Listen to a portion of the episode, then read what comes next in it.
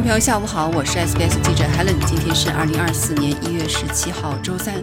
本期 SBS 新闻快报的主要内容包括：中国驻澳大使就台湾问题称，澳洲不应干涉中国内政；总理重申澳大利亚在以色列问题上的立场；气象局发布大雨预警。中国驻澳大利亚最高外交官警告说，在台湾问题上完全没有妥协的余地。而在几天前，台湾选民选出了一个被北京称为“战争煽动者”的人。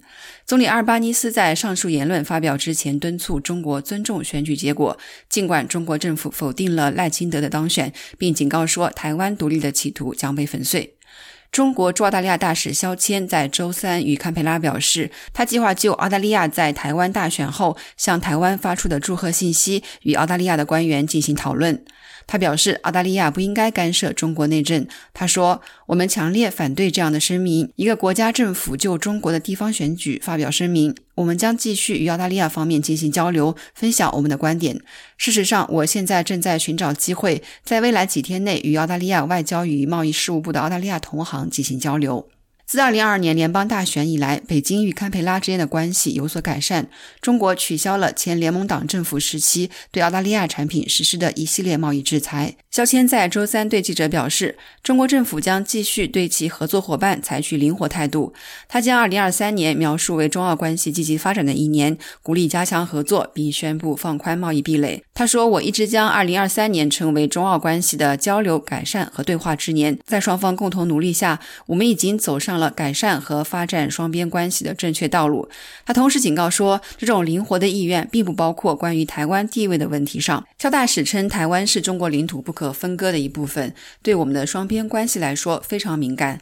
他说，事实不会改变，在这个世界上只有一个中国，台湾是中国的一部分。在台湾问题上，我们根本不会有任何的灵活性或做出妥协的余地，因为这涉及中国的主权和领土完整。上周六，台湾选民无视中国政府的一系列警告，史无前例的让民进党进入连续第三个任期。根据选举结果，赖清德将于五月中旬宣誓就任台湾领导人，但专家警告说，在此期间可能会出现不稳定局势。总理重申了外长黄英贤的立场，即澳大利亚无意支持南非在联合国法院起诉以色列的种族灭绝案。巴勒斯坦大使等多方人士呼吁联邦政府支持南非的上诉。达尔巴尼斯说：“这是南非人自己的事务，政府在一些问题上并不同意他们的立场。”气象局发布大雨预警，预计从周三的下午开始，除珀斯和阿德莱德外，澳大利亚所有主要城市都将遭受大雨袭击。据气象局称，西南威尔士州南部地区和维多利亚州东北部地区将发生山洪爆发，危及生命。大部分地区都将受到暴雨影响。气象学家米里亚姆·布拉德伯里表示，天气状况可能非常危险。